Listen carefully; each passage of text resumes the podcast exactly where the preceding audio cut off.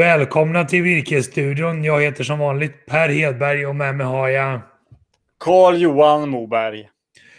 Virkesstudion görs precis som vanligt i samarbete med tidningen Skogen och med Ludvig och Company och de kan ni läsa mer om antingen på skogen.se eller ludvig.se. Jag tänkte idag Carl-Johan att vi skulle prata om en enda dag, nämligen den 20 i fjärde. För då händer det mycket spännande. Kvarnsveden stänger, annonserade Stora Enso. Södra annonserade kvartalsrapporten för Q1. SCA höjde priset på Craftliner både vit och brun. Och EU antog en ny klimatlag. Så vart vill du börja? Ja, var ska man börja? Det här, alltså jag tycker att det här är ett datum som egentligen sammanfattar mycket av, av senaste tiden. Vi har pratat om mycket, bland annat här i Virkesstudion, men även med, med markägare och virkesköpare och alla, alla skogsbolag. Att det är mycket som händer just nu. Ska vi börja kanske då med, med Södras höjning utav massaveden? Vi har ju känt på oss att något skulle vara på gång och den kommer ju nu det är ju trevligt det. Samtidigt visar ju på att det finns ett behov av färsk massaved till marknaden. Och det jag tycker är så intressant när Södra rapporterar sitt kvartal 1, det är att det vänder nu för Södra Cell. Vi såg att Södra Cell gjorde minusresultat kvartal 4 förra året, men vänder nu till ett ganska stadigt positivt resultat. Och massapriserna har gått upp mycket, någonstans 20-30 procent bara i år. Så att här har man verkligen fått en skjuts och det är det vi ser på på massavedssidan också när de går ut och höjer den ju. Ja, men det är det ju. Och sen samtidigt så som Södra Wood, alltså sågverken går så mm, fruktansvärt bra får man nästan säga va?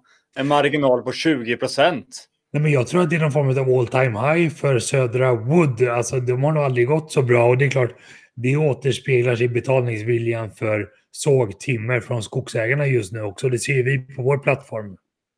Ja, det gör vi ju. Och man ser ju även att förbrukningen av virke bland oss hemmafixare, att den är ju stor också. Jag tycker man läser var och varannan dag om virkesbrist ute i bygghandeln. Jag tror inte att det kommer bli någon brist, utan jag tror att priserna kommer gå upp så att marknaden kommer anpassa sig och balansera sig. Men det är klart, det är positivt för de skogsägare som kanske har en slutavverkning på gång, för då kan man få riktigt bra betalt just nu. Ja, men så är det. Och tittar vi på Södras resultat och att de höjer massaveden, det går lite grann i linje med att SCA höjde priset på brun och vit craftliner, alltså förpackningspapper. Så här ser vi att nu våras det faktiskt för massaveden och det är positivt. Kanske för gallringar, eller hur ska vi tänka tror du? Ja, men det tycker jag alla gånger. Det är säkert många som har väntat med att skriva kontrakt på sina gallringar bara för att invänta vad som kommer att ske så det är klart att det är viktigt att hänga med där. Samtidigt ska vi veta att, att mycket av sågspånen går ju till massaindustrin också. Och där finns det ju gott om. Men det går inte bra för all massaindustri utan nu väljer Stora Enso att stänga Kvarnsveden. Kan du berätta lite om det? Ja, man väljer att stänga ner då eh, finpappersbruket, tryckpappersbruket i Kvarnsveden, alltså helt och hållet. Det var väl över 400 arbetstillfällen plus allt annat runt omkring som kan tänkas. Så det är ett hårt slag mot eh, Borlänge som stad att få den här. Samtidigt så är det ju inte oväntat. Det Nej, det kan, det kan, man inte säga. Mina tryckpapper har varit på dekis i säkert 15 år. Jag menar, vi läser mindre tidningar. Jag prenumererar inte på några tidningar, men jag läser många tidningar digitalt. Och det är nog samma sak med andra aktörer. Så att det här tror jag bara kommer fortsätta. Och det är klart, det påverkar ju Dalarna och Mellanskogs-Sverige när en stor massavedsförbrukare försvinner i så att säga kärnområdet utav det här området. Då. Ja, men det gör det ju. Samtidigt så vet vi att det här är ett intressant område för andra aktörer att hämta massaved i just. Så att eh, det kommer att finnas fortfarande en affär på massaveden-området, garanterat. Det blir så intressant och här vill man ju spekulera vidare såklart. Då har vi då Hallstavik kvar som gör skriv och tryckpapper. Vi har Braviken och vi har Hylte kvar i Sverige som de stora produktionsorterna för skriv och tryckpapper. Och min gissning är ju då att Holmen med Lundberg har en stark förankring till Norrköping och Braviken. Och det gör ju kanske att Hallsta ligger lite pyrt till. Och det vore ju inte bra heller för det ligger ju också i mellanskogsområdet så att säga. Törs vi spekulera mer om det eller ska vi låta det vara därhän? Nej, men jag tycker man ska trycka extra mycket på att Holmen har ju ändå sin vagga i Norrköping med, med, med, med på den holmen där man byggde pappersbruk då för många, många år sedan.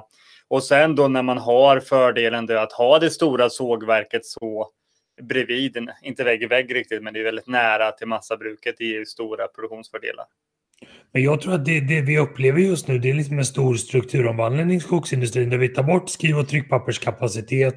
Men på sikt kommer vi få in nya spännande produkter som vi får ut av massavedskvaliteterna som faller ut ur skogen med textilersättning, alltså biobränslen och vad det nu kan tänkas vara. Men det kommer nog vara ett par år med lite lägre efterfrågan av massaveden, tänker jag.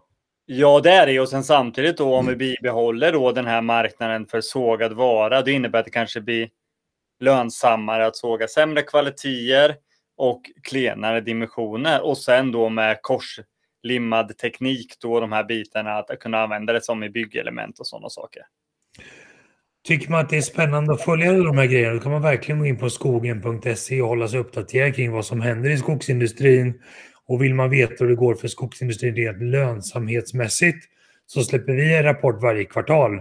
Och då kan man gå in och registrera sig på virkesbörsen på virkesborsen.se så håller vi er uppdaterade om hur virkespriset utvecklar sig, hur vi tror att det ska utveckla sig och hur det går för de olika köpande bolagen. Men sen har vi också andra krafter som drar i skogen och EU har ju nu antagit en klimatlag där skogen potentiellt kommer spela en allt större roll som kolsänka också. Så att det är många krafter som drar i skogen och skogsbruket är också under förändring, eller hur? Ja, men alla gånger så är det och inte minst det statligt ägda Sveaskog har ju eh, liksom antagit en ny strategi nu lite för att få mer eh, vad ska man, alltså mer hänsynstagande i sin skogsskötsel.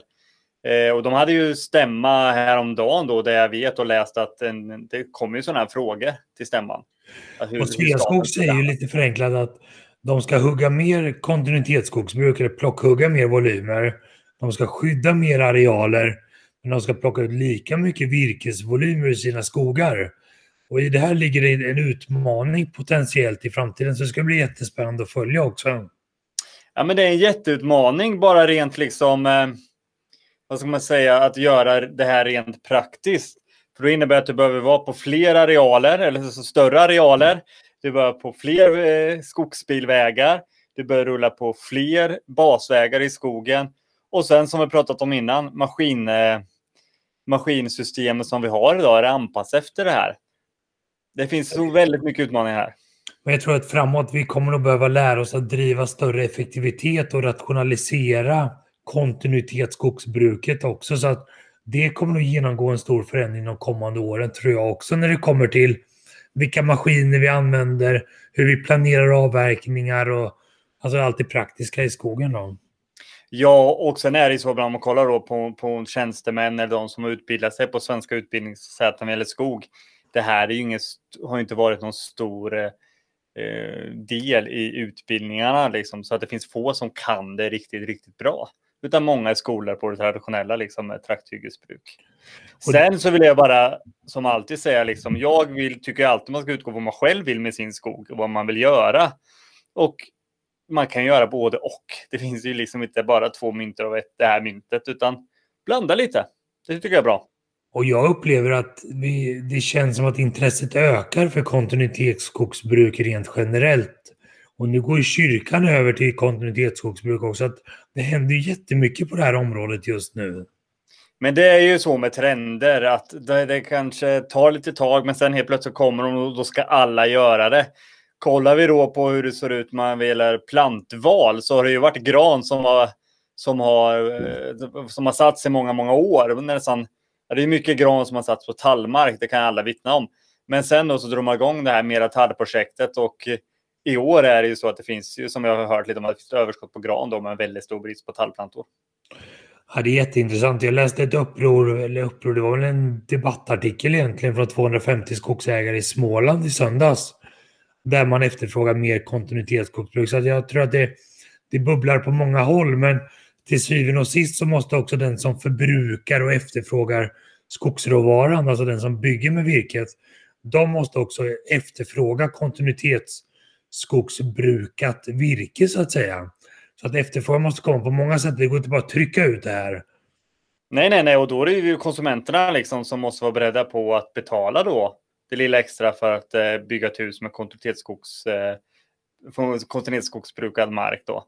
Eh, och, och, den biten. Och det är klart att har man idag när man kan köpa en eh, FSC-certifierad pinnstol, det är klart att det värdesätts ju. Förhoppningsvis, jag tycker det. Men när vi börjar prata om byggnationer av hus så är det kanske helt andra pengar vi pratar om. Men det kanske är så att vi kommer se nya certifieringar eller stämplar på det som är kontinuitetsskogsbruk för att öka intresset bland konsumenter för den typen av virkesråvara också. Det tror jag alla gånger det kan komma. Du har träffat Annika Granqvist på Ludvig Company också för att prata lite sista minuten-tips. För nu själv är det, nu är det dags att deklarera snart ju. Ja, men precis. Jag kopplar upp mig mot Annika. Hon är kontorschef i Växjö. Och lite korta tips där nu, för snart ska ju deklarationen in. Så är vi direkt dit. Hej Annika! Hej! Kan inte du berätta lite om dig och din roll på Ludvig Company? Absolut, det ska jag göra. Eh, jag heter då Annika Granqvist eh, och jag är utbildad fastighetsmäklare och skogsmästare. Eh, och jag har varit på företaget i cirka 16 år. Jag är kontorschef just nu på kontoren i Växjö och Älmhult där det är totalt 12 medarbetare som jobbar med både juridik, fastighetsförmedling och ekonomi. Och det är ju ekonomi benet vi ska prata om idag. Ehm, ja. Ja men precis, bra där eh, att du är skogsmästare gillar jag som är skogsmästare själv också. Eh, och just du är inne på deklarationsbiten, eller ekonomibiten, för det är ju deklarationstider. Är det några viktiga datum nu att hålla koll på? Eh, ja, men absolut. det jag kan säga att Ludvig Company, som vi heter nu, Eh, hette ju tidigare eh, LRF Konsult eh, och vi gör ju väldigt många deklarationer varje år och det börjar ju komma till den 3 maj som då är sista dag, dagen för att lämna in sin deklaration. men är man då kund hos Ludvig Company så har vi en möjlighet att söka något som heter anstånd eh, åt er som kunder eh, och då har man ända till den 15 juni eh, för att lämna in och eh, då slipper man ju eh, få någon eh, ersättning man måste betala för att man är försenad med deklarationen. Varför är det bra att söka anstånd då, då som skogsägare? Eh, ja, eh, anstånd är ju eh, bra för att eh, man då slipper eh, avgift om man inte skulle hinna med till den 3 maj. Eh, men det allra, allra bästa är ju att man under året eh, som går gör sina eh, kvitton och lägger in i sin eh, bokföring och följer sina Eh, konto och kvitto eh, hela tiden under året. Eh, då behöver man inte eh, vara stressad och då kommer man också hinna eh, klart till den 3 maj. Men det, det som vi på företaget har ju en, en möjlighet att vänta till 15 juni eftersom att det är väldigt många eh, kunder som ska då eh, ha hunnit eh, komma in med sina deklarationer och sina papper. Eh, men vara ute i god tid är ju väldigt viktigt. Ja. Ja, men god tid är någonting annat och samtidigt då hela tiden eh, ha koll på sina, sina, sina transaktioner också. Något annat du vill skicka med till, till markägarna? Ja men absolut. Eh, det är ju så att när man är skogsägare eh, eller äger en lantbruksfastighet Eh, så kommer ju inkomsterna väldigt ojämnt och, och, och ofta utgifterna också. Eh, det kan komma en rätt stor inkomst eh, ett år och sen kan det dröja flera år innan det kommer. Och då gäller det verkligen att planera så att man inte gör av med pengarna eller att man betalar för hög skatt. Och då finns det lite olika möjligheter som då heter bland annat skogskonto Eh, och man kan också göra en betalningsplan Eh, och man kan även göra något som heter räntefördelning med mera. Eh, det man ska tänka på här det är ju att när man redan träffar sin virkesköpare eh, och eh, vill avverka ett område, då ska man liksom redan då planera hur kommer det se ut och man kanske kan ta kontakt med sin deklarationskunnige och även då prata med virkesköparen så att man löser det så bra som möjligt. Ja. Ja, men precis. Hålla koll på datum, hålla koll på sina transaktioner och planera skatten innan intäkten. Va? Det är väl det det handlar om? Yes, helt rätt. Ja. Med det tycker jag vi tackar eh, och eh, hoppas att du får en skön vår här nu och att det inte blir alldeles för mycket arbete nu i deklarationstider. Absolut. Tack så mycket. Jättebra tips tycker jag inför deklarationen. Och jag har redan deklarerat så jag känner mig nöjd och lugn. Jag tycker du ska deklarera snart också. Och vill man ha hjälp med sin deklaration då är det hög tid att kontakta Ludvig på ludvig.se. Vad har vi framför oss nu då? Vad kan vi se fram emot?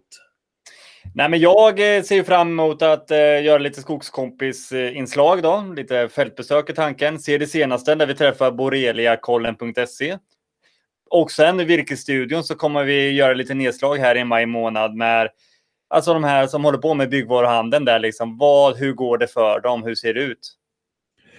Och om den här vaccinationsplanen håller då kanske vi kan spela in tillsammans snart igen också. Det tycker jag, det vore jättekul.